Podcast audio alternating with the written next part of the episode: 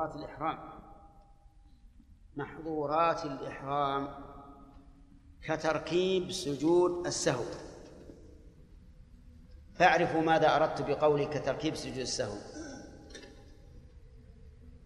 نعم. لا لا لا. نعم.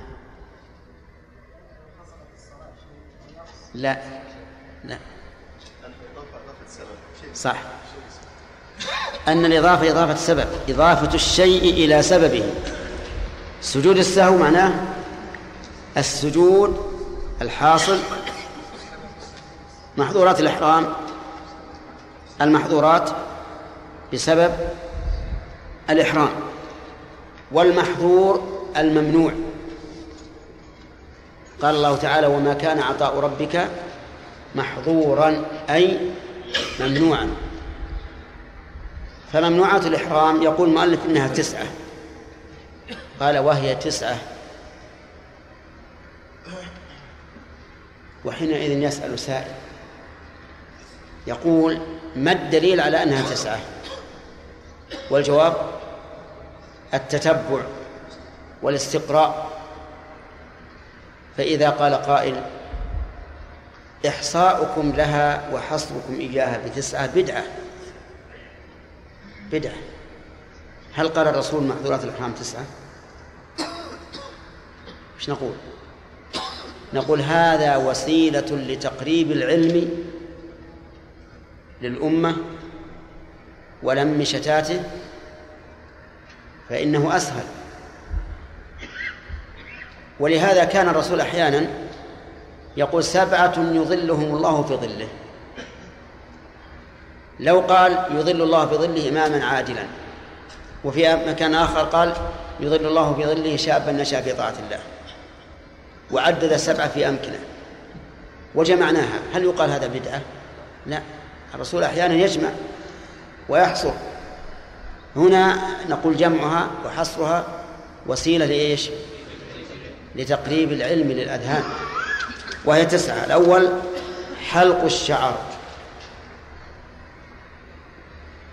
ولم يقل المؤلف إزالة الشعر مع أنه أعم اتباعا للفظ القرآن وهو قوله تعالى ولا تحلقوا رؤوسكم حتى يبلغ الهدي محله وهنا يجب أن نفهم إذا أردنا أن نكتب شيئا. أن المحافظة على لفظ القرآن والسنة أولى. أولى. لأنها دليل وحكم. دليل وحكم. فالكاتب المؤلف ينبغي له أن يحافظ على إيش؟ على لفظ الكتاب والسنة. طيب. حلق الشعر. لكن هنا المؤلف رحمه الله قال حلق الشعر.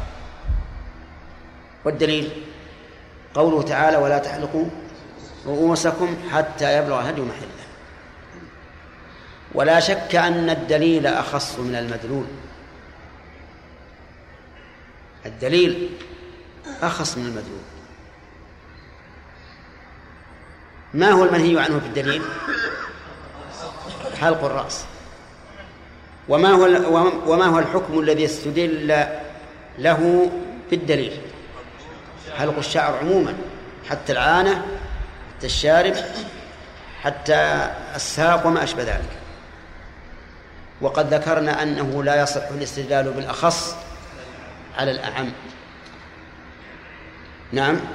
ولكنهم يقولون نحن نقيس حلق بقية الشعر على شعر الرأس. فإذا استدللنا بالآية فهو استدلال على حلق فهو استدلال على حلق شعر الرأس باللفظ.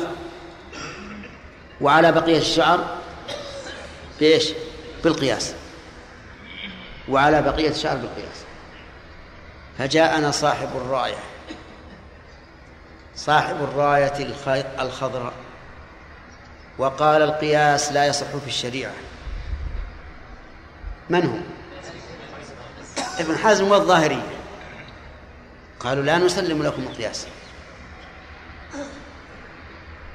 والله عز وجل يقول ونزلنا عليك الكتاب تبيانا لكل شيء ولم ينهنا إلا عن حلق شعر الرأس. فلماذا نضيق على عباد الله؟ ونقول كل الشعور لا تحلقوها. طيب رجل نما شعر شاربه. وصار إذا أكل التف مع الأكلة الشعر. نعم. وإذا شرب كذلك فماذا يصنع؟ إذا قلنا بأنه يحرم أخذ شعر الشارب يقول يأخذه ويفتي. يأخذه ويفتي لأنه أذاه أو يأخذه ولا يفتي بناء على قاعدة سنذكرها إن شاء الله. على كل حال الآن الدليل إيش؟ أخص من المدلول. ولا ينبغي أن نستدل بالأخص على الأعم لكن إذا قلنا إنه يقاس ما خرج عن الدليل على ما ثبت بالدليل نحتاج إلى أمر آخر وهو تساوي الأصل والفرع في العلة. فما هي العلة التي نستطيع أن نلحق شعر بقية الجسد بشعر الرأس؟ قالوا العلة الترفه. العلة الترفه لأن حلق شعر الرأس يحصل به النظافة بدليل أنه كلما زاد شعر آه، وسخ الرأس كثر فيه القمل والرائحة والأذى. فالعلة هي الترفه. فهل هذا مسلم؟ ننظر. هل المحرم ممنوع من الترفه؟ لا. ما أسرع قول لا ولا نعم عندكم المحرم ممنوع من الترفه؟ لا حقيقة لا. ليس ممنوعا من الترفه بالأكل. له يأكل من الطيبات ما شاء. ولا ممنوعا من الترفه باللباس. له أن يلبس من الثياب التي تجوز في الإحرام ما شاء. ولا ممنوعا من الترفه بإزالة الأوساخ. له أن يغتسل ويزيل الأوساخ. فمن قال إن العلة في محظور في حلق الرأس هي الترفه؟ حتى نقيس عليه ذلك. لا شيء. لكن العلة الظاهرة هو أن المحرم إذا حلق رأسه فإنه يسقط به نسكا مشروعا. ما هو؟ الحلق والتقصير عند عند انتهاء العمرة وعند رمي جمرة العقبة. إذا حلق رأسه في أثناء الإحرام ووصل إلى مكة في خلال ساعات في وقتنا الحاضر ماذا يصنع؟ أين محلقين رؤوسكم ومقصرين؟ فالعلة أن في حلق الرأس إسقاط شعيرة من شعائر النسك وهي الحلق أو التقصير وهذا التعليل لا شك أنه عند التأمل أقرب من التعليل بأن ذلك من أجل الترفع طيب. على هذا الرأي لا يحرم إلا حلق الرأس فقط. لا يحرم إلا حلق الرأس فقط. أما بقية الشعور فليست حراما. قالوا أيضا الأصل الحل فيما يأخذه الإنسان من الشعور أو التحريم. الحل. فلا نمنع إنسانا من أخذ شيء من شعوره إلا بدليل. ولكن البحث النظري له حال والتطبيق العملي له حال أخرى. لو أن الإنسان تجنب الأخذ من شعوره من شاربه من لحيته من أبطه من عانته نعم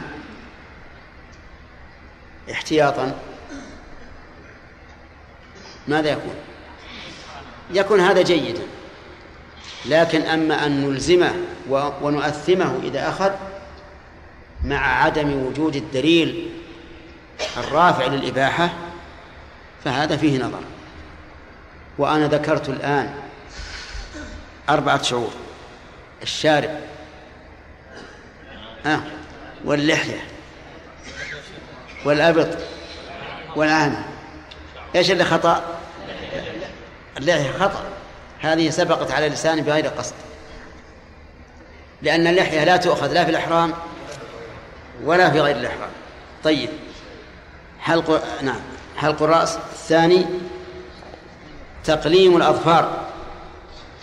تقليم الأظفار. يعني نعم يعني قصها أو قلمها بالمبراه. وكانوا بالأول يقلمون الظفر يأخذون المبراه تعرفون المبراه السكينة الصغيرة. يقطعون فيها الظفر هكذا. كما يقلم القلم. القلم تعرفونه يقلم؟ الآن لا يقلم لأنه حديث لكن يقلم المرسمة الرصاص. فيقولون تقليم الأظفار أيضا حرام. من أي مكان؟ من اليد أو من الرجل أو منهما. ها منهما جميعا. ما هو الدليل؟ ما هو الدليل؟ لا دليل إلا بالقياس. من تبعهم بإحسان إلى يوم الدين. أما بعد فسبق أن جابر بن عبد الله رضي الله عنهما سمى التلبية تلبية النبي صلى الله عليه وآله وسلم توحيدا. فما وجه ذلك شيخ سليمان ذلك أن هذه التلبية نعم. اشتملت على أنواع التوحيد. هذه التلبية اشتملت على أنواع التوحيد. أخرج لنا منها توحيد الربوبية. توحيد الربوبية آه، قوله إن الحمد والنعمة. توحيد الربوبية. نعم. زد شوي امشي شوي. لك والملك. والملك. الملك نعم. الملك. هذا من وجه من وجه آخر يا عبد الله؟ لا. لا شريك لك.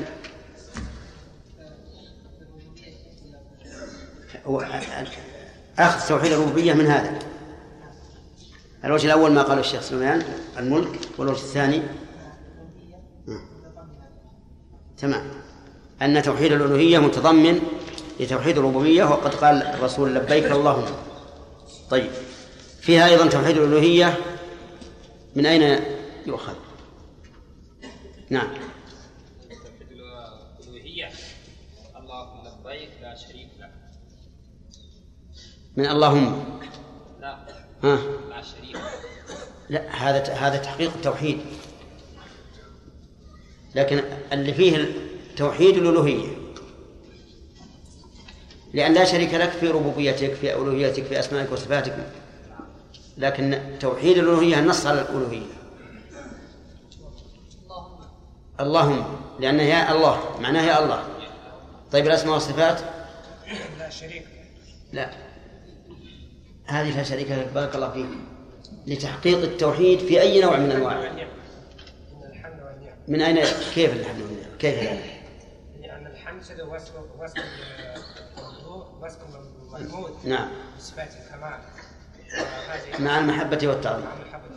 وهذا يعني توحيد يعني إثبات الأسماء والصفات الكاملة والتوحيد يؤخذ من قوله لا شريك لك هل المشروع رفع الصوت بها أم لا؟ للرجال دون النساء.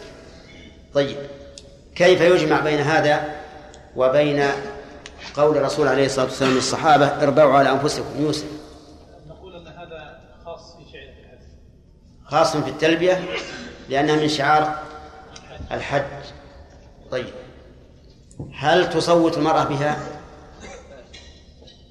ليش؟ لماذا؟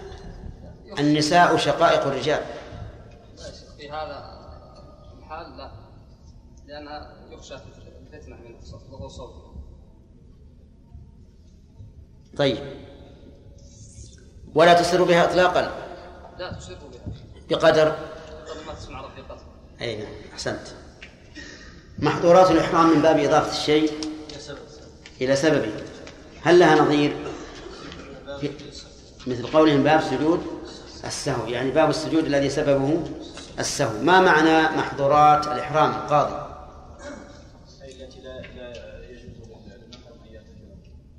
الممنوعات بسببه لأن المحظور هو الممنوع. المحظورات الإحرام الممنوعات بسببه صح؟ طيب حصرها المؤلف في ثلاثين عبد الله كيف؟ تسعة ما الدليل على هذا الحصر؟ تتبعوا السؤال قال من الناس من قال إن حصر مثل هذه الأمور بتسعة بعشرة ما أشبه ذلك بدعة فما الجواب على هذا؟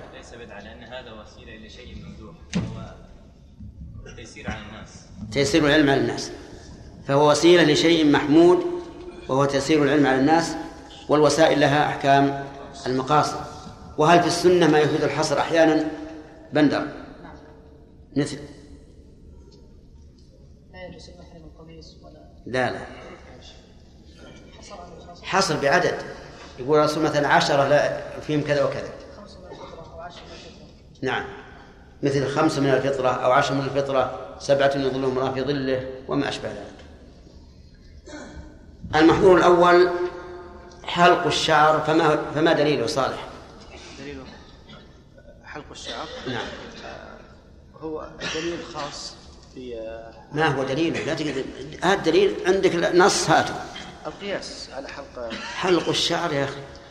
ولا تحلقوا رؤوسكم. دليله؟ ولا تحلقوا رؤوسكم. طيب.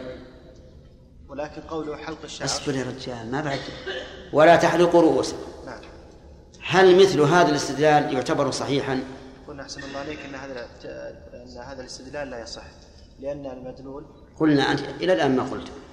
أمس ما سمعتك. أي نعم. يعني أن الدليل هنا السؤال الآن هل هذا هل هذا الاستدلال أو هذا النوع من الاستدلال صحيح؟ نعم. نعم. على حلق الشعر أما حلق. حلق الرأس أما حلق الشعر فلا يصح. لماذا؟ لأن هنا الدليل أخص من المدلول. طيب. وقلنا أنه لا يجوز. والقاعدة أنه لا يستدل بالأخص على العام. على العام والعكس. يصح العكس صحيح. يستدل بالعام على الخاص لأنه عام. طيب. إذا ما الذي يثبت هذا الحكم في جميع الشعور؟ يستطيع القياس على شعر الرأس. القياس على حلق الرأس. طيب ما علة القياس؟ عادتهم الترفه. الترفع وش معنى الترفع التناعم. التنعم وهل في حلق الشعر تنعم قد يكون فيه شيء من الترفه. نعم. كان يؤدي إلى أذى مثلا. لأنه ينظف يجمع. ويزيل, ويزيل عنه الوساخ. أما الجمال فيختلف. طيب المؤلف قال حلق الرأس. لماذا قال حلق الرأس وال- والمحرم حلق الشعر؟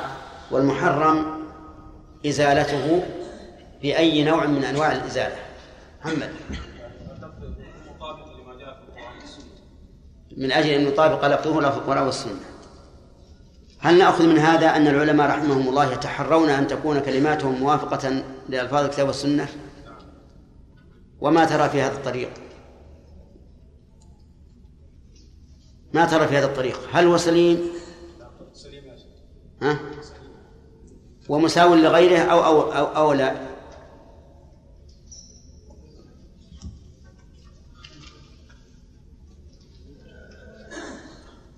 يلا يا أخي. أتتوقف في هذا يا محمد؟ أحمد؟ كيف؟ لكن هل تساوي غيرها أو هي أفضل منها؟ أفضل منها. لأن فيها الحكم والدليل. ولهذا مر علينا في الزاد هنا في زاد المستقنع لما قال رحمه الله في باب صلاة الجماعة وإذا أقيمت الصلاة فلا صلاة إلا المكتوبة. هذه عبارة المؤلف. قال الشارح رواه مسلم من حديث أبي هريرة. جاء, جاء بالدليل والحكم. طيب. تكلمنا على موضوع تعدي الحكم إلى بقية الشعور وقلنا إن من العلماء من خالف في ذلك. فمن المخالف؟ محمد داود الظاهر المعروف عن داود الظاهر بن حزم ما راجعنا كلامه. لكن المعروف أنه مع داود الظاهر كيف؟ قالوا ان الوارد في القرآن هو حلق شعر الرأس. نعم فيكتفى بما ورد في القران لأن الأصل الأصل الحل. الحل. فإذا قام الدليل على تخصيص شيء محرم فإننا لا نتعداه إلى غيره. طيب. وما جواب الآخرين عن هذا أحمد؟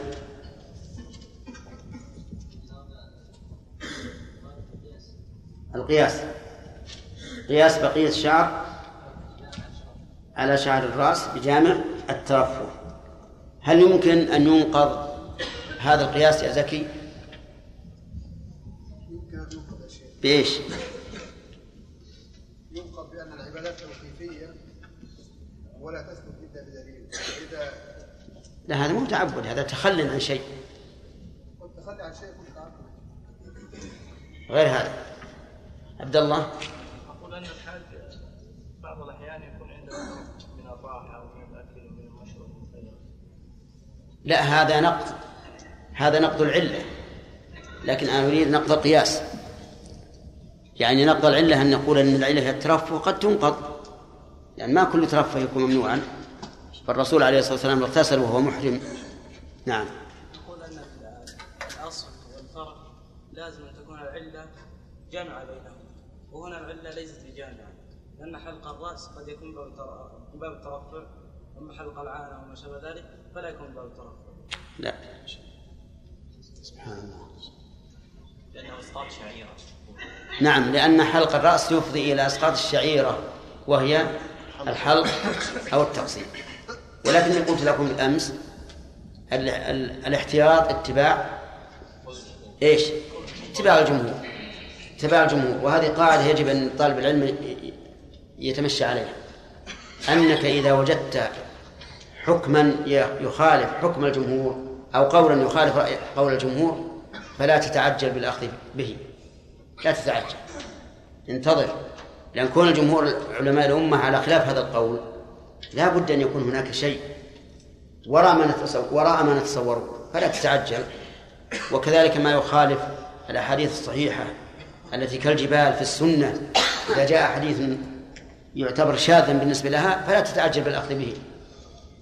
نعم طيب. آه، المؤلف رحمه الله يقول الثاني تقليم الأظفار. والمراد نبدأ ب... نجعله هو أول بد... بد... درس الليلة. الثاني تقليم الأظفار. تقليم الأظفار لم يرد فيه نص.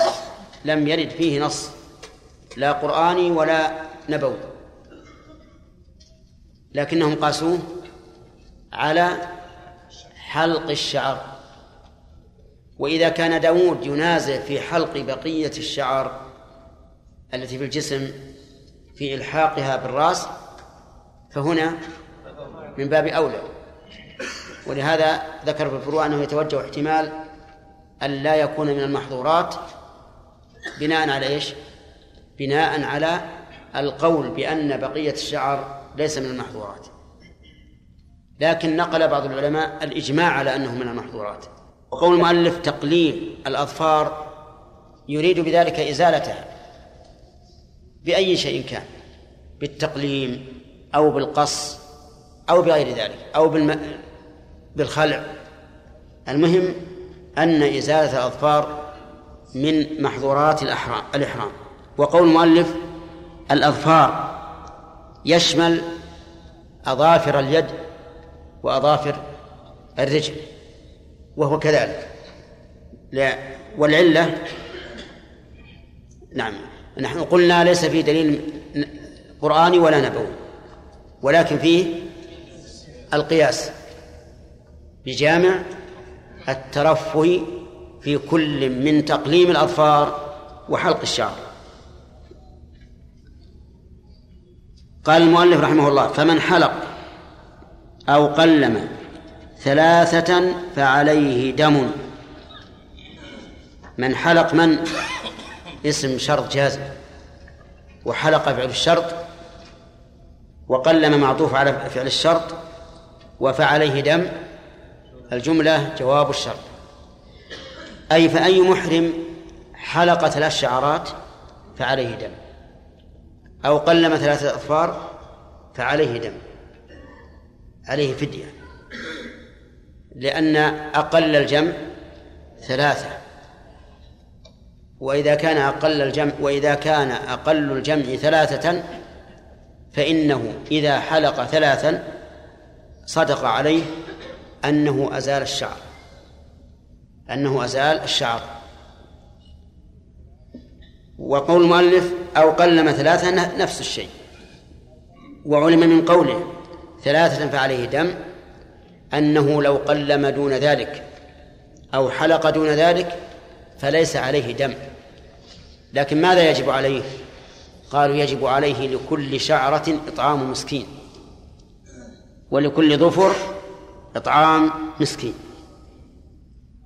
وهذا التفصيل يحتاج إلى دليل. يحتاج إلى دليل. فأين في السنة ما يدل على أن الشعرة الواحدة فيها إطعام مسكين أو الظفر الواحد فيه إطعام مسكين. ولهذا اختلف العلماء رحمهم الله في القدر الذي تجب فيه الفدية وفي مقدار ما يكون دون ذلك. فقال بعضهم إذا حلق أربع شعرات فعليه دم. وقال آخرون إذا حلق خمس شعرات فعليه دم. وقال آخرون إذا حلق ربع الرأس فعليه دم. وقال آخرون إذا حلق ما به إماطة الأذى فعليه دم. فالأقوال كم؟ ثلاثة وأربعة وخمسة وربع الرأس. نعم. وما يماط به الأذى أقرب الأقوال إلى ظاهر القرآن القول الأخير وهو مذهب مالك أنه ليس عليه دم إلا إذا حلق ما يماط به الأذى أي حلقا يكاد يكون كاملا لأنه هو الذي يماط به الأذى وهو الذي قال الله تعالى في القرآن في شأنه فمن كان منكم مريضا أو به أذى من رأسه وهو لا لا يحلق إذا كان به أذى من رأسه إلا ما يماط به الأذى فعليه فدية. وهذا القول أصح الأقوال. ويدل له أنه الموافق لظاهر القرآن. وأن هذا دليل. الدليل الثاني أن النبي صلى الله عليه وآله وسلم حلق وهو محرم. احتجم وهو محرم. أن النبي صلى الله عليه وسلم احتجم وهو محرم في رأسه. والحجامة في الرأس من ضرورتها أن يحلق الشعر لمكان المحاجم. ولا يمكن سوى ذلك. ولم ينقل عن النبي صلى الله عليه وآله وسلم أنه افتدى. لماذا؟ لأن الشعر الذي يزال من أجل المحاجم نعم لا يماط به الأذى. قليل بالنسبة لبقية الشعر. وعلى هذا فنقول من حلق ثلاث شعرات فليس عليه دم أو أربع أو خمس أو عشر أو عشرين. ولا يسمى هذا حلقا. لكن هل يحل له ذلك أو لا؟ هذه النقطة. هل يحل أن يحلق شعرة أو شعرتين أو يزيلها بأي مزيل؟ الجواب لا. لا يحل. لا يحل. انتبهوا لأن لدينا قاعدة. امتثال الأمر لا يتم إلا بفعل جميعه امتثال الأمر لا يتم إلا بفعل جميعه وامتثال النهي لا يتم إلا بترك جميعه فإذا نهيت عن شيء فأنت منهي عنه جملة وأجزاء. وإذا أمرت بشيء فأنت مأمور به جملة وأجزاء. انتبه. امتثال المأمور لا يتم إلا بفعل جميع وامتثال المحظور لا يتم إلا باجتناب جميعه. وعلى هذا فنقول إذا حرم حلق جميع الرأس أو ما يماط به الأذى حرم حلق جزء منه. لكن الكلام في الفدية غير الكلام في التحريم. فإن قال قائل وهل يمكن أن يكون شيء من محظورات الإحرام محرما وليس فيه فدية؟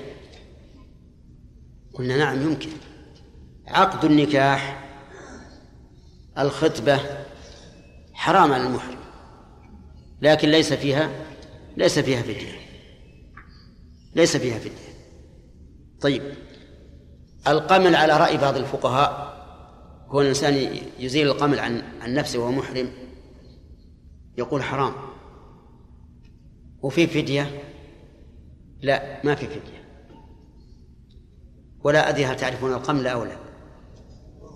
الحمد لله نحن في الأزمة الأخيرة لا نعرفه لأن النظافة كثيرة والثياب دائما تكون نظيفة. لكن في الأول تكون القمل في, الأبدان وتتعب الناس. أحيانا تجدها تمشي من فوق من فوق الثياب. نعم. وهي دويبة صغيرة. يعني منتفخة. أقل من الذرة. لكن شأنها قوي. تحجم الإنسان حجما. لأنها تقرصه ثم تمتص الدم. وتؤذي الإنسان. ولهذا جيء بكعب بن عجرة إلى رسول الله عليه الصلاة والسلام والقمل يتناثر من وجهه من رأسه على وجهه. فقال الرسول عليه الصلاة والسلام له لعلك آذاك هوام رأسك؟ قال نعم يا رسول الله. فسماها هواما. طيب إذن آه نقول في في هذه المسألة. أعني مسألة إيش؟ حلق جميع الرأس. محرم. وفيه الفدية. وحلق بعضه محرم وليس فيه فدية. وأوردنا هل يمكن أن يكون شيء من المحظورات محرما وليس فيه فدية؟ وقلنا نعم. خطبة عقد النكاح إزالة القمل وصبانه على رأي من يرى أنه حرام والصحيح أنه ليس بحرام. الصحيح أن إزالة القمل ليس بحرام. بل إن بل إن المحرم يستبيح من أجله إيش؟ المحرم. يحلق شعره لأجل ينفك عنه هذا هذا القمل. طيب. إذن القول الراجح أن الذي فيه الدم ما يماط به الأذى أي ما يكون ظاهرا على كل الرأس بحيث يسلم الرأس من من الأذى. ثم اعلم أن العلماء في محظورات الإحرام إذا قالوا دم إذا قالوا دم فلا يعنون تعين فلا يعنون أن الدم متعين بل هو أحد أمور ثلاثة. الدم إطعام ستة مساكين لكل مسكين نصف صاع صيام ثلاثة أيام. كل ما رأيت شيء فيه دم إلا الجماع في الحج قبل التحلل الأول فإن فيه بدنة وإلا جزاء الصيد فإن فيه مثله. كما سيأتي إن شاء الله في الفدية. لكن هذه اجعلوها على بالكم لأن كثيرا من الإخوة المفتين كلما أتاهم إنسان قالوا عليك دم. عليك دم. فيذهب العامي وهو لا يدري. لم يبين له. يتكلف بإشراء الدم وربما يستدين لذلك. لكن لو قيل له أنت بالخيار. دم. إطعام ستة مساكين لكل مسكين نصف صاع. الثالث صيام ثلاثة أيام. يمكن يهون عليه. أما كل واحد يجينا يقول يلا عليك دم. هذا خطأ. الواجب أن يبين للناس الحكم الشرعي. وبأي شيء عرفنا أنه يخير بين هذه الثلاثة؟ من حلق الرأس. لأن الله لأن الله قال ففدية من صيام أو صدقة أو نسك. فالمحظورات إذن ما لا فدية فيه. وما فديته بدنه وما فديته مثله وما فديته التخيير بين هذه الأمور الثلاثة وهذا أكثر المحظورات. هذا هو أكثر المحظورات أنه يخير فيه بين هذه الأمور الثلاثة. طيب يقول المؤلف فمن فمن حلق أو قلم ثلاثة فعليه دم. لو أن هل نقول بناء على ذلك يحرم على المحرم أن يحك رأسه؟ لا لا يحرم أن يحك. إلا من حكه ليتساقط الشعر. من حكه ليتساقط الشعر هو حرام. لكن من حكه لدفع الحكة ثم سقط شيء بغير قصد فإنه لا يضره. وقيل لعائشة إن قوما يقولون يعني بعدم حك الرأس قالت لو لم أستطع أن أحكه بيدي لحكته برجلي. رضي الله عنه. من المبالغة في الحلم. ورأيت كثيرا من من الحجاج إذا أراد أن يحك رأسه يقول هكذا ينقل رأسه. خوفا من إيش؟ خوفا من أن يتساقط شعر كل هذا من التنطع. ف فالمهم أن لا تحكه لتساقط الشعر. إذا حكته لغرض وسقط شيء بغير قصد فلا شيء عليه. قال المؤلف ومن غطى رأسه بملاصق فدى. الواقع المؤلف رحمه الله ما جاء بها على يعني العدد الثاني الأول الثاني الثالث لكن تفهم من كلامه. من غطى رأسه من؟ اسم شرط جازم. وفدى وغطى فعل الشرط وفدى جواب الشرط. والمراد بمن هنا؟ وإن كانت شرطية عامة المراد بها الخصوص وهو المحرم. طيب من غطى رأسه بملاصق. بملاصق فدى. مثل الطاقية الغترة العمامة وما أشبه ذلك. دليل هذا أن النبي صلى الله عليه وآله وسلم قال في الذي وقصته راحلته في عرفة قال لا تخمروا رأسه. أي لا تغطوا وهذا عام في كل غطاء. أما العمامة فجاء فيها نص خاص. حين سئل ما يلبس المحرم قال لا يلبس القميص ولا السراويلات ولا البرانس ولا العمائم ولا الخفاف. فنص على العمامة. وليس هذا هو الدليل لأن هذا ذكر بعض أفراد العام. أو لا تخمر رأسه هذا الدليل العام. وقوله بملاصق خرج به ما ليس بملاصق. وذلك لأن ما ليس بملاصق لا يعد تغطية. لا يعد تغطية. مثل الشمسية. الشمسية يمسكها الإنسان وهو محرم ليستظل بها عن الشمس أو يتقي بها المطر. فإن هذا لا بأس به. لماذا؟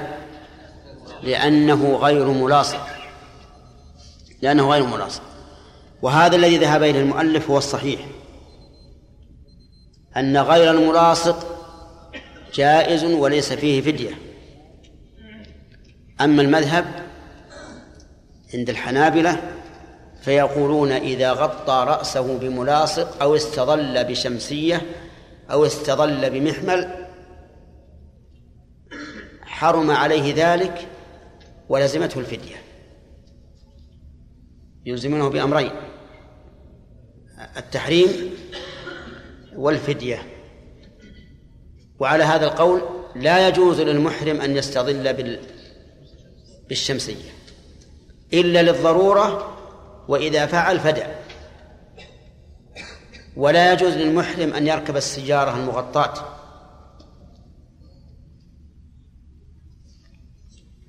لأنه استظل بها.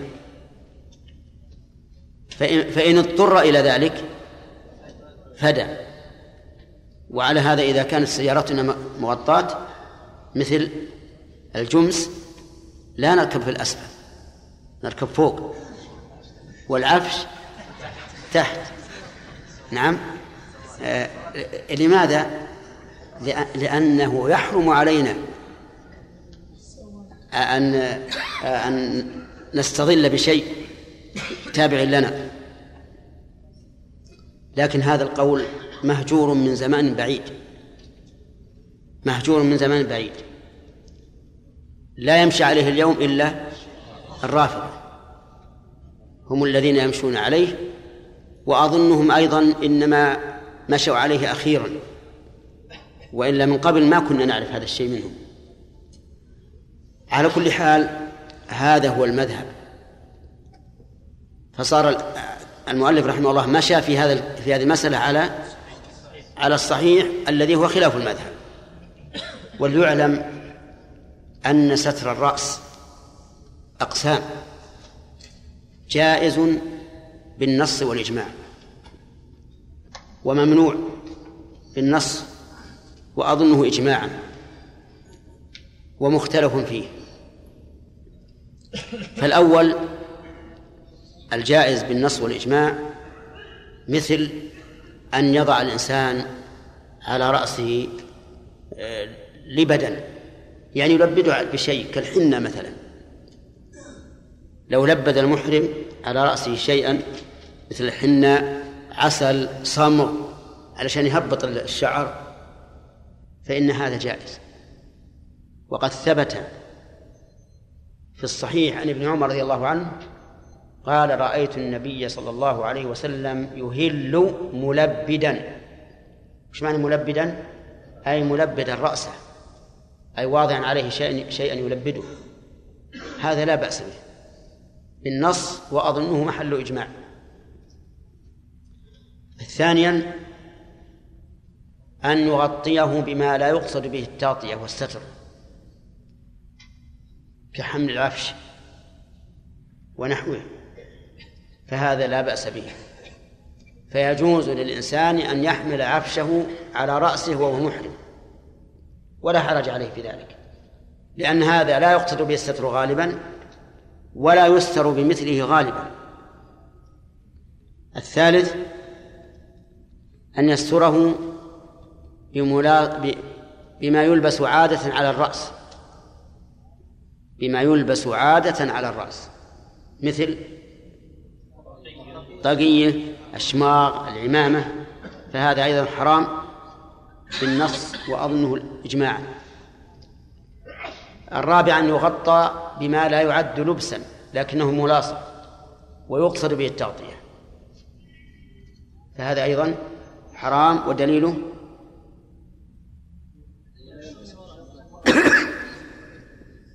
ما دليل؟ دليل يا إخوان. لا تخمر رأسه حديث الذي وقصته راحلته. والغريب إن ابن حزم رحمه الله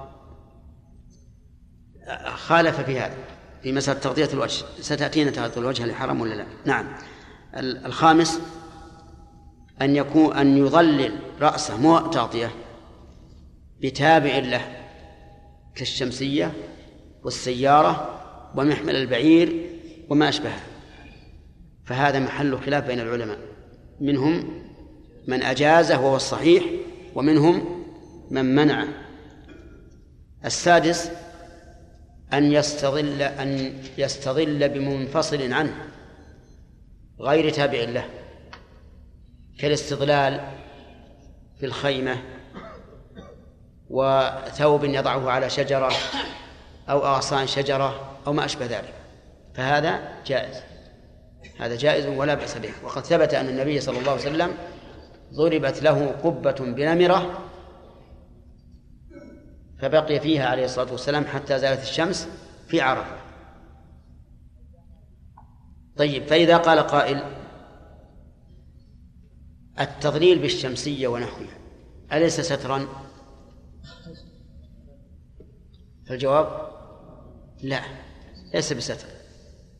لأن الذي يمشي إلى جنبك يرى كل رأسك ما غطي الرأس.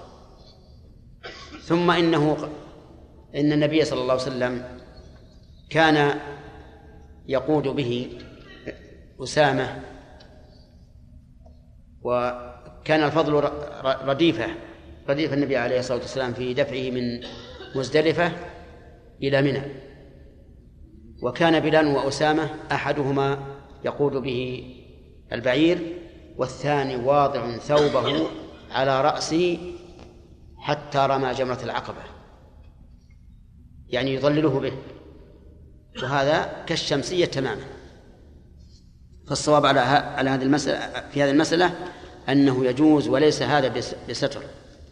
فلا ينافي قوله عليه الصلاة والسلام لا تخمروا رأسه. طيب هذا هذا ال- المحظور. هل هو عام في الرجال والنساء؟ أو خاص بالرجال؟ هذا خاص بالرجال.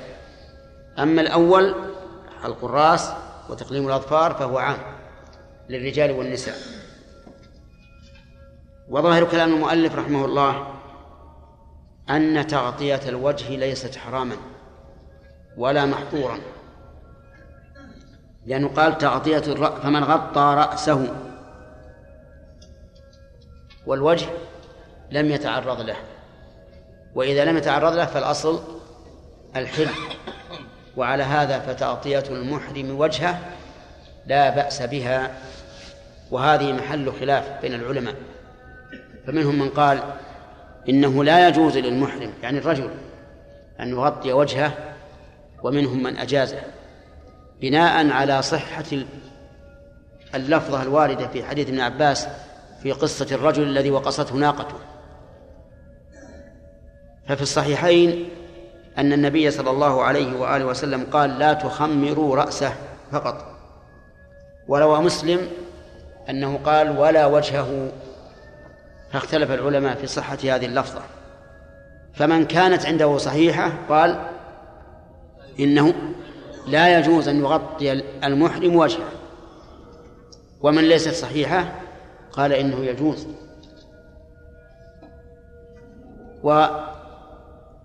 وابن حزم رحمه الله قال إنه يجوز في حال الحياة ولا يجوز في حال الموت أو بالعكس.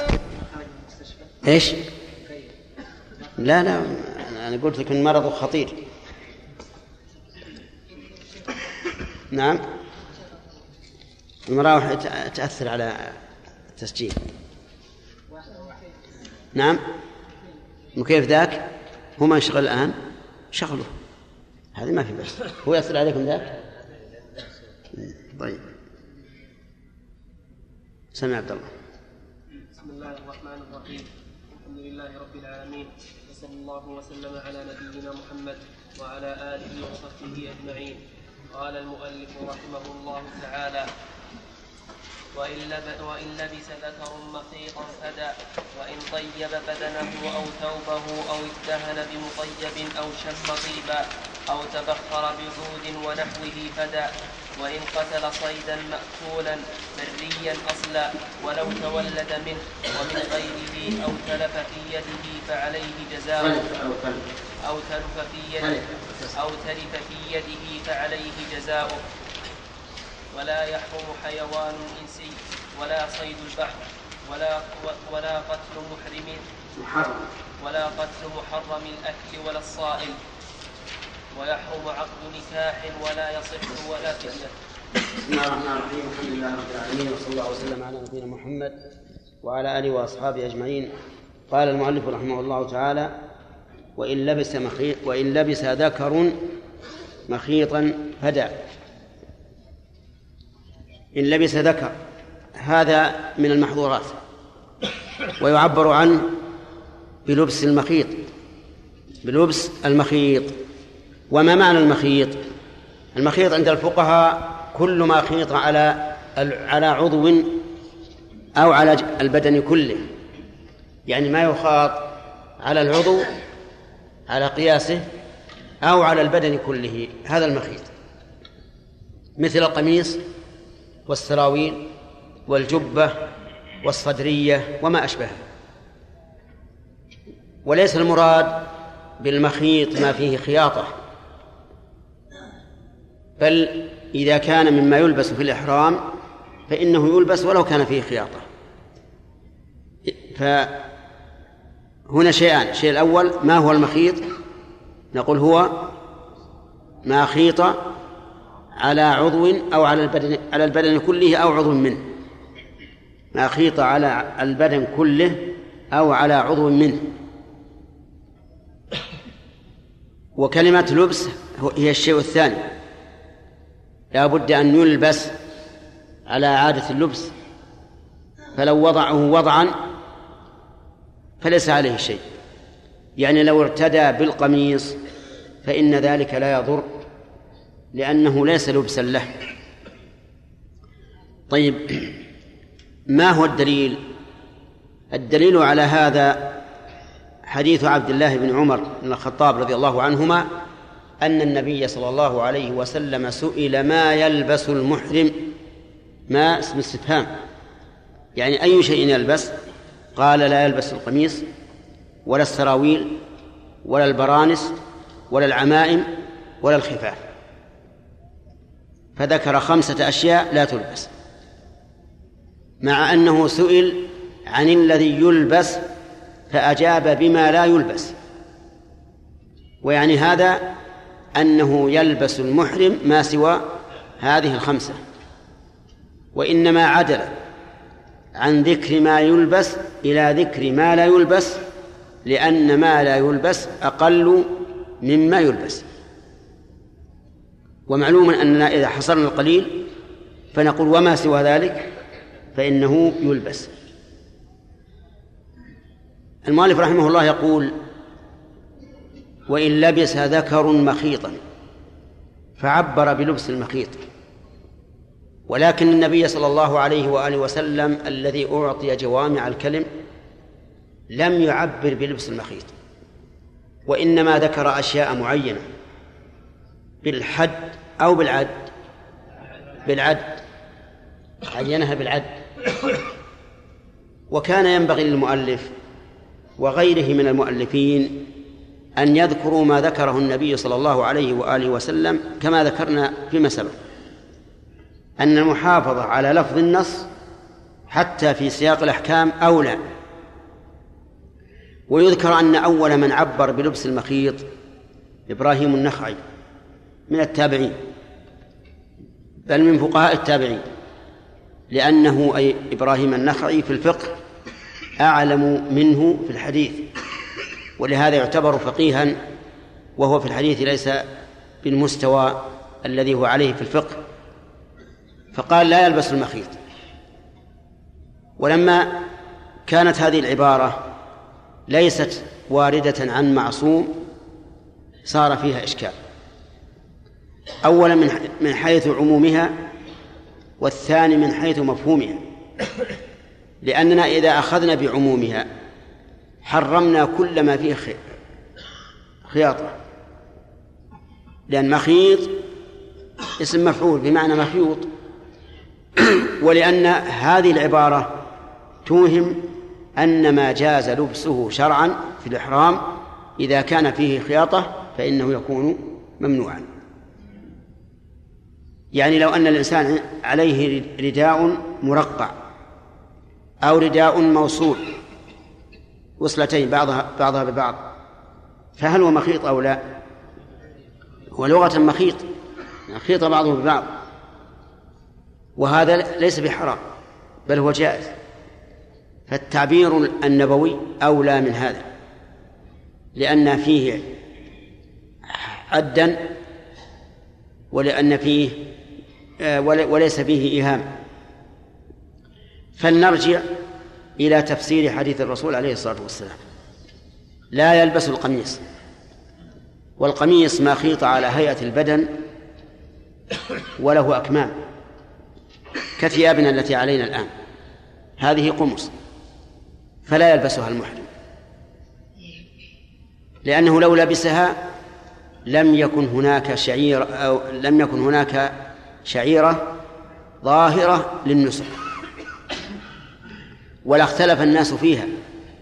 هذا يلبس كذا وهذا يلبس كذا بخلاف ما إذا اتحدوا في اللباس. ولا يلبس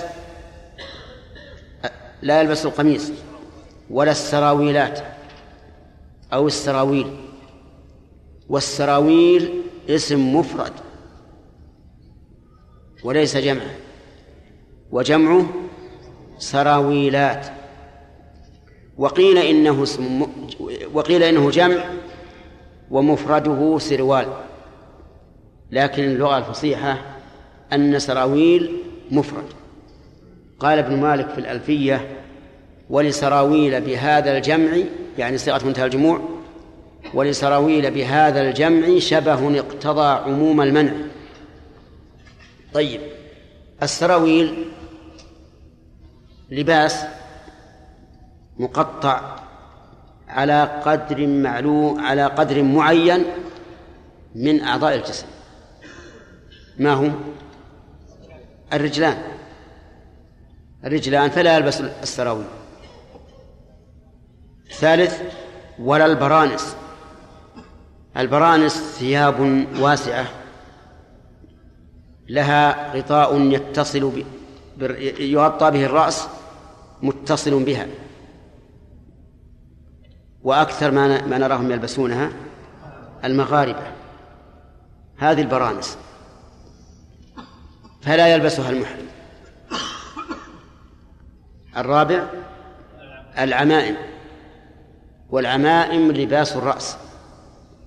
فلا يلبس المحرم العمامة لأنها لباس الرأس. ولم يقل لا يغطي رأسه لأنه لم يسأل إلا عما يلبس. فذكر ما يلبس على الرأس وهو العمامة وما يلبس على أسفل البدن وهو السراويل وما يلبس على أعلى البدن وهو إيش؟ القميص. الخامس ولا الخفاف. الخفاف معروفة. هي ما يلبس على الرجل من جلد أو نحوه فلا يلبسها المحرم. إلا أن النبي صلى الله عليه وسلم استثنى من لم يجد نعلين فليلبس الخفين ومن لم يجد إزارا فليلبس السراويل. نرجع مرة ثانية إلى الحديث فنقول الحديث يقول لا يلبس المحرم كذا وكذا لا يلبس. فإذا استعملها على غير الوجه اللبس المعتاد فإن ذلك لا بأس به. مثل أن يجعل القميص رداء أو يجعل إزارا والسراويل رداء. وبهذا نسد العذر على من يقول إذا ركب في الطائرة إن ثياب الإحرام موجودة في الشنطة في جوف الطائرة. نقول هذا ليس بمشكل. هذا ليس بمشكل. إذ يمكن الاستغناء عن عن عن ثياب الإحرام. بماذا؟ بأن أجعل الثوب إزارا وأجعل السراويل رداء. أو إذا كان ممن يلبس الغترة يجعل الغترة رداء. ولا إشكال في المسألة. أو نقول اجعل القميص رداء والبس السراويل لأنك لا تجد إزارا. فالمسألة ما فيها أشكال. من لم يجد نعلين فليلبس الخفين. هل هذا يكون عند الحاجة أو مطلقا؟ بمعنى لو كان الإنسان كما هو شأن حالنا اليوم راكبا في السيارة تصل به إلى المسجد الحرام. لا يحتاج إلى المشي. فهل نقول إنه في هذه الحال له أن يلبس الخفين إذا لم يجد النعلين؟ أو نقول إن الرسول عليه الصلاة والسلام أجاز لبس الخفين عند عدم النعلين لأن الإنسان يحتاج إلى المشي والمشي في مكة حول مكة كما تعرفون أودية وجبال لا تخلو من الأشواك غالبا ومن الأحجار التي تدمي الأصابع فلهذا رخص له. في أن يلبس الخفين. الذي يظهر لي هذا أنه يلبس الخفين عند الحاجة أما إذا لم يحتج فلا حاجة كما في وقتنا الحاضر. وش بقي علينا من من اللباس؟ نقول إن الرسول عليه الصلاة والسلام حصر ها ال- الذي لا يلبس بهذه الخمسة. هل يلحق بها ما كان في معناها؟ الجواب نعم. يلحق بها ما كان في معناها. فمثلا القميص يشبهها الكوت. تعرفون الكوت؟ نعم. معروف الكوت. يلبس على الصدر. يلحق به.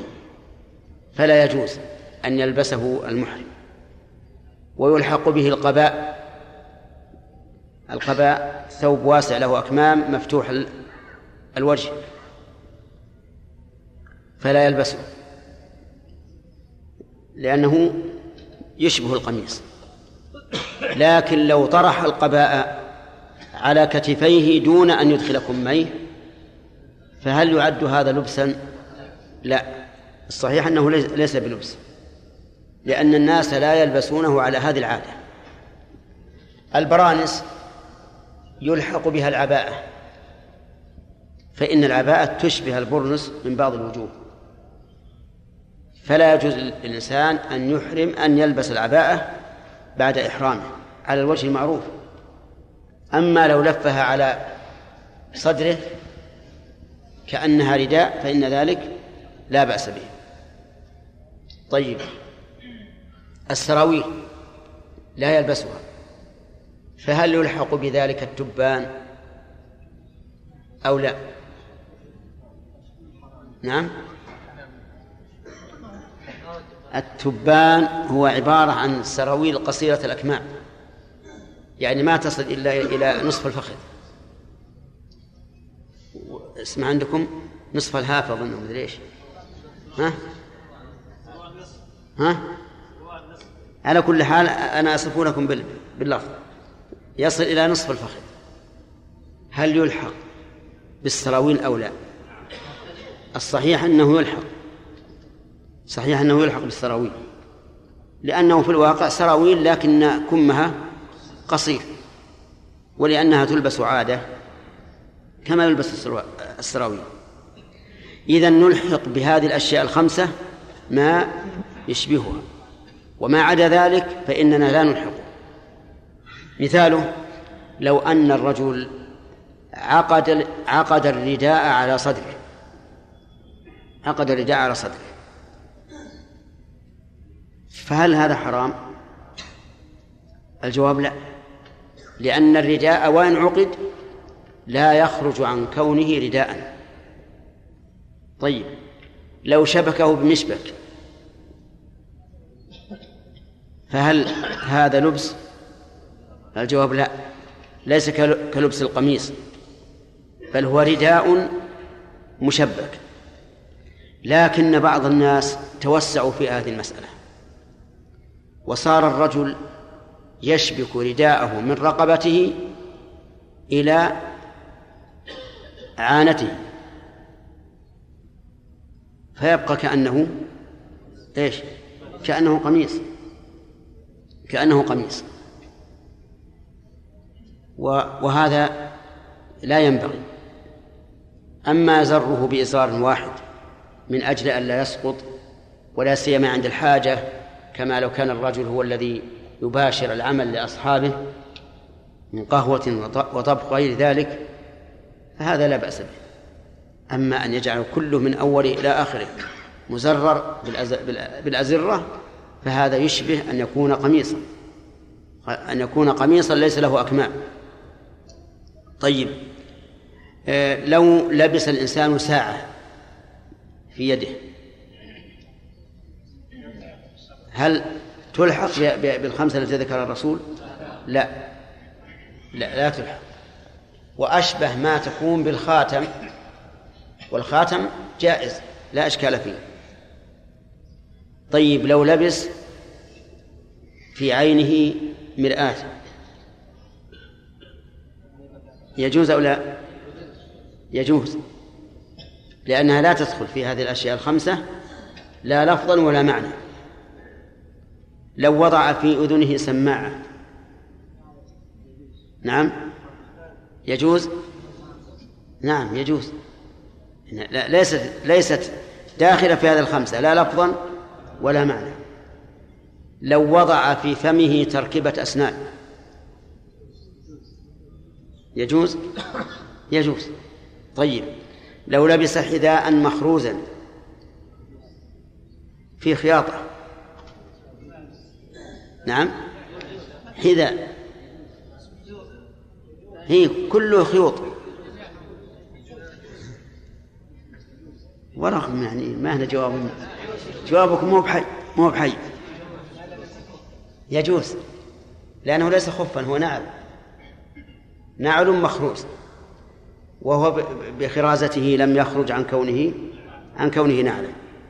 وهذا هو الذي قلنا إن المحافظة على اللفظ النبوي أولى من أن نقول المحرم لبس المخيط لأن كثير من العامة الآن يسألون عن النعال المخروزة يقول فيها خياط طيب. لو تقلد الإنسان بسيف أو بفرد ما تقولون؟ يجوز؟ نعم يجوز. لأنه لا يدخل فيما نص عليه الرسول عليه الصلاة والسلام لا لفظا ولا معنى. لو ربط بطنه بحزام. نعم يجوز؟ مخيط. يجوز؟ نعم يجوز. طيب لو علق على كتفه قربة. قربة ماء. يجوز. أو وعاء نفقة. كل هذا جائز.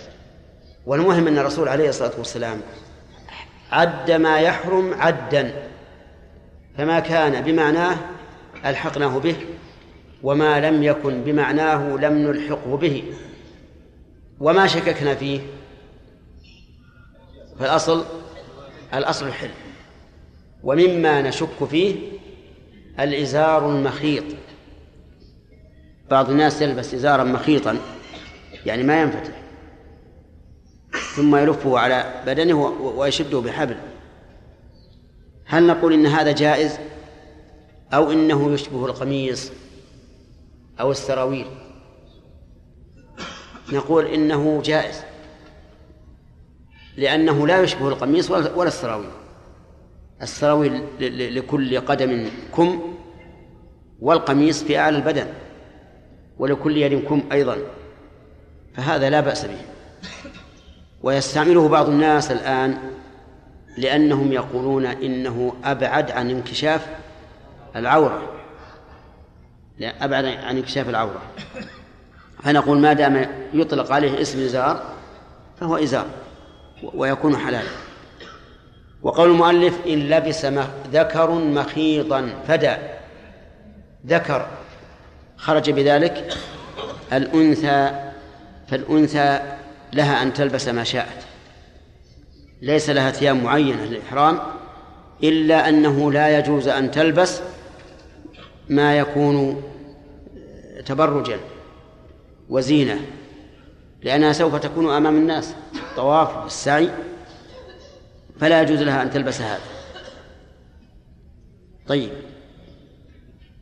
هل يحرم عليها شيء من اللباس؟ المرأة نقول نعم يحرم عليها شيء من اللباس. وهما القفازان والنقاب. القفازان لباس اليدين والنقاب لباس الوجه. ولم يرد عن النبي صلى الله عليه وآله وسلم أنه حرم على المحرمة تغطية وجهها وإنما حرم عليها النقاب فقط لأنه لباس الوجه وفرق بين النقاب وبين تغطية الوجه وعلى هذا فلو أن المرأة المحرمة غطت وجهها لقلنا هذا لا بأس به لكن الأفضل أن تكشفه. ما لم يكن حولها رجال أجانب فيجب عليها أن تستر وجهها عنه هل يحرم عليها الجوارب؟ لا. الجوارب حرام على من؟ على الرجل. طيب هل يحرم على الرجل القفازان؟ نعم. يحرم عليه القفازان وبعضهم حكى في ذلك الإجماع. وقالوا إن النبي صلى الله عليه وآله وسلم إذا حرم على المحرم لبس ما يختص بالرجل فكذلك لبس ما يختص باليد وهي مصنوعة على هيئة عض... أحد الأعضاء. لكن النبي صلى الله عليه وآله وسلم لم يذكرها فيما يتجنبه المحرم لأنه ليس من عادة الرجال أن يلبسوا القفازين. ولهذا لما كان من عادة النساء أن تلبس القفازين قال في المرأة ولا تلبس القفازين. طيب. انتهينا من هذا المحظور. ال- الذي هو لبس المخيط. وظاهر كلام المؤلف أن لبسه حرام سواء طال الوقت أم قصر. وهو كذلك. وبناء على هذا لو أن رجلا لبس ثوبه القميص والسراويل بناء على أنه حل من إحرامه وتبين أنه لم يحل فإن عليه أن ينزعه في الحال. مثال ذلك رجل أتى بعمرة فطاف وسعى ثم لبس ثوبه القميص والسراويل ثم ذكر أنه لم يقصر أو لم يحلق فماذا نقول له؟ نقول يجب فورا أن تغير الملابس لأنك لا تزال على إحرامك والمحرم لا يجوز أن يلبس القميص ولا طرفة عين لكن يؤجل يؤجل بقدر العادة يؤجل بقدر العادة ما نقول مثلا إذا كنت في مسجد أركض قدام الناس وادعس الناس نعم أوجب السجارة اركبها وعلم على 200 مثلا ما نقول هكذا. نقول الشيء المعتاد. طيب. وهل له إذا أراد خلعه خلع القميص هل له أن يخلعه من أعلى أو من أسفل إذا كان الجيب واسعا أو يشقه أو يشقه؟ أو يشقه. الآن عندنا ثلاث ثلاث احتمالات من أسفل وهذا لا يكون إلا إذا كان الجيب واسع. آه، يشقه على شيء يوسعه ينزه من أسفل. أو يخلعه خلعا عاديا. إذا قلنا بالأخير لزم من ذلك عند خلعه أن يغطي رأسه. والمحرم لا لا يغطي رأسه. فلذلك قال بعض العلماء إذا أراد خلع القميص الذي أحرم به فإما أن يخلعه من أسفل إن اتسع الجيب وإلا شقه. ولا يمكن أن يخلعه من فوق لأنه إذا فعل فقد غطى رأسه. ولكن هذا القول ضعيف. لأن شق القميص إفساد له والنبي عليه الصلاة والسلام نهى عن إضاعة المال ولأن التغطية هنا غير مقصودة فهي كما لو حمل عفشه على رأسه. بل الحمل على الرأس حمل العفش يكون إيش؟ أطول أطول. وهذا يعني لحظة من الزمن فالصواب أنه يخلعه خلعا عاديا ولا يحتاج إلى أن يشقه ولا أن ينزله من أسفل. طيب لو لو لم يجد الإنسان رداء ذكر النبي عليه الصلاة والسلام أنه إذا لم يجد زارا فإنه يلبس سراويل لكن لو لم يجد رداء يبقى على ما هو عليه. يبقى على ما هو على ما هو عليه. لأنه يجوز للإنسان أن يبقى مؤتزرا بين الناس ويجوز أن يبقى مؤتزرا ويصلي فهو ليس في ضرورة إلى القميص إلى الرداء. فإذا قال أنا لا أستطيع أن أبقى مكشوف الصدر والظهر يلحقني في ذلك مشقة لا أحتملها أو أخاف من المرض إذا كانت الأيام باردة. نقول إذن البس القميص إذا كان لا يمكنك أن تلفلف تلفلف به البسه وفدي. لأن الإنسان إذا احتاج إلى فعل المحظور فعله وفدى كما في حديث كعب بن عجرة رضي الله عنه. ومن المحظورات قال وإن طيب ثوبه بدنه أو ثوبه أو شم إيش؟ أو ادهن بمطيب أو شم طيبا. واحد من العلم. أو تبخر بعود ونحوه فدا. طيب. هذا من المحظورات أيضا. من المحظورات الطيب. ما هو الدليل؟ الدليل على ذلك أن النبي صلى الله عليه وآله وسلم قال لا تلبسوا شيئا مسه الزعفران أو الورس أو قال ثوبا مسه الزعفران أو الورس والزعفران طيب. لكن قد يقول قائل الزعفران أخص من كونه طيبا. لأنه طيب ولون. طيب ولون. ونحن نقول إن الطيب بأي لون كان يحرم على المحرم. نقول نأتي بدليل آخر وهو أن النبي صلى الله عليه وآله وسلم قال في الذي وقصته ناقته في عرفة قال لا تحنطوه. وتحنيط الميت أطياب مجموعة تجعل في مواضع من جسمه. وهذا عام لكل طيب. لأن الرسول قال لا تحنطوه وذكر أشياء ثم قال فإنه يبعث يوم القيامة ملبيا. وهذا دليل على أن المحرم لا يجوز له استعمال الطيب. وهو كذلك. لا يجوز له استعمال الطيب. ووجهه أن الطيب يعطي الإنسان نشوة. وربما يحرك شهوته. ويلهب غزيرته ويحصل بذلك فتنة له. والله عز وجل يقول لا رفث ولا فسوق ولا جدال في الحج. ثم إنه قد ينسيه ما هو فيه من العبادة.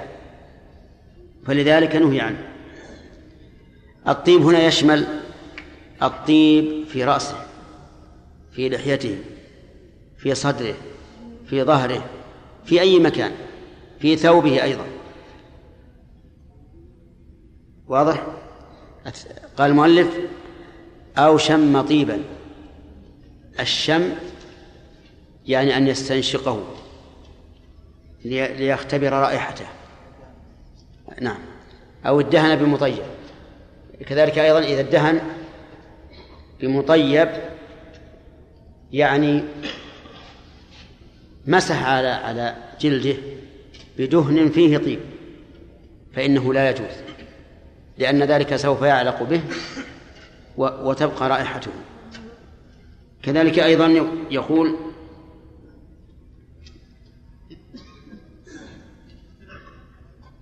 أو شم طيبا.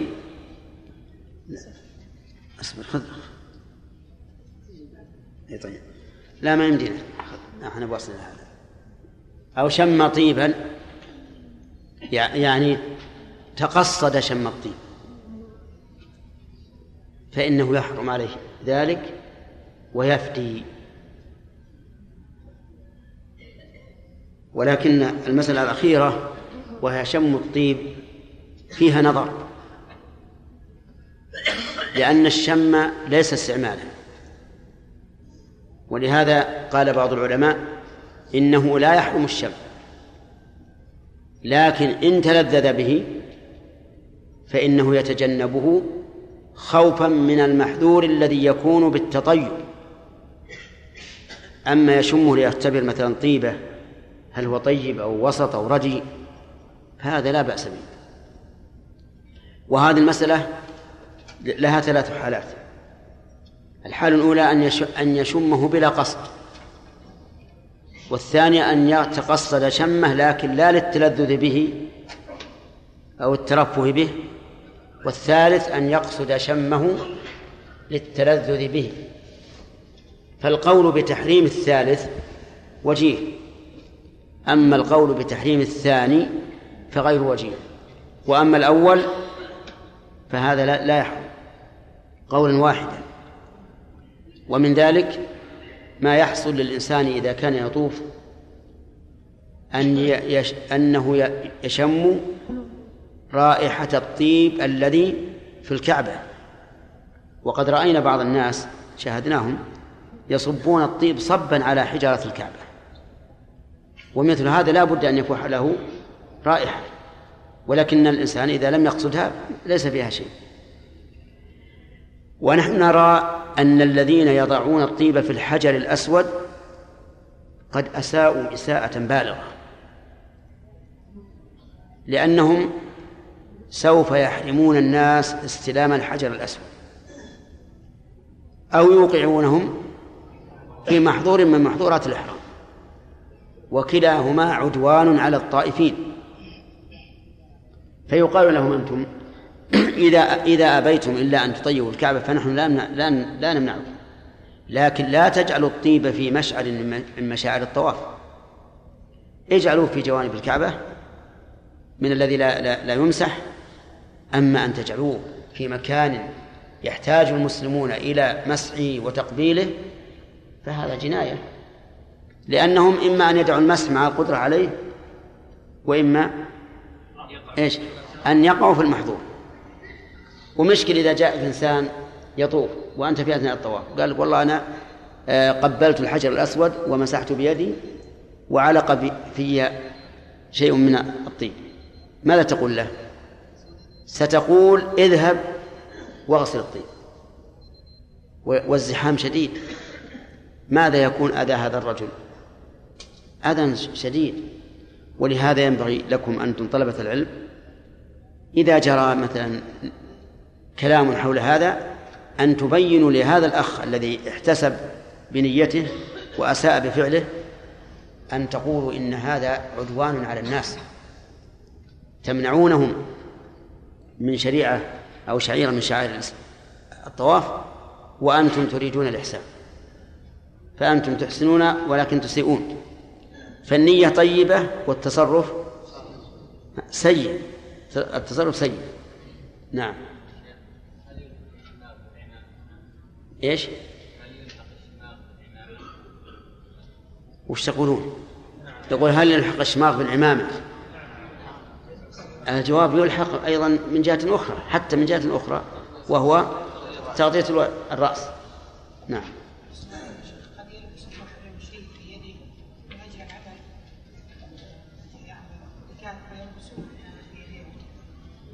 قفازين يعني إيه.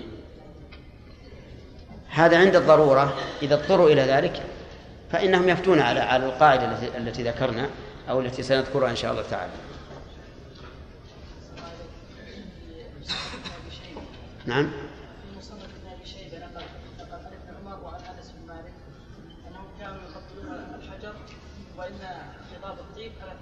نعم. وسئل عن ذلك فقال ليس عليه شيء ليس إيش؟ ليس عليه شيء. نعم. لعل هذا والله أعلم إنه قد طيبه من قبل في ثوبه. لا من من من طيب الحجر؟ أي. يمكن هذا إنهم يعذرونه بأنه شيء لم يقصده وشيء كأنه اكره عليه. نعم. قلنا ان تغطيه الوجه الرجل العلماء على من اجاز ومنهم من منع على صحه روايه مسلم نعم. ولم يرجح والله ما تبين لي فيها الترجيح. لأن احتمال أن الراوي الذي حدث به أخيرا وزاد هذه اللفظة أن أنه ذكرها بعد. في احتمال. والذي يميل إليه ابن القيم رحمه الله أنها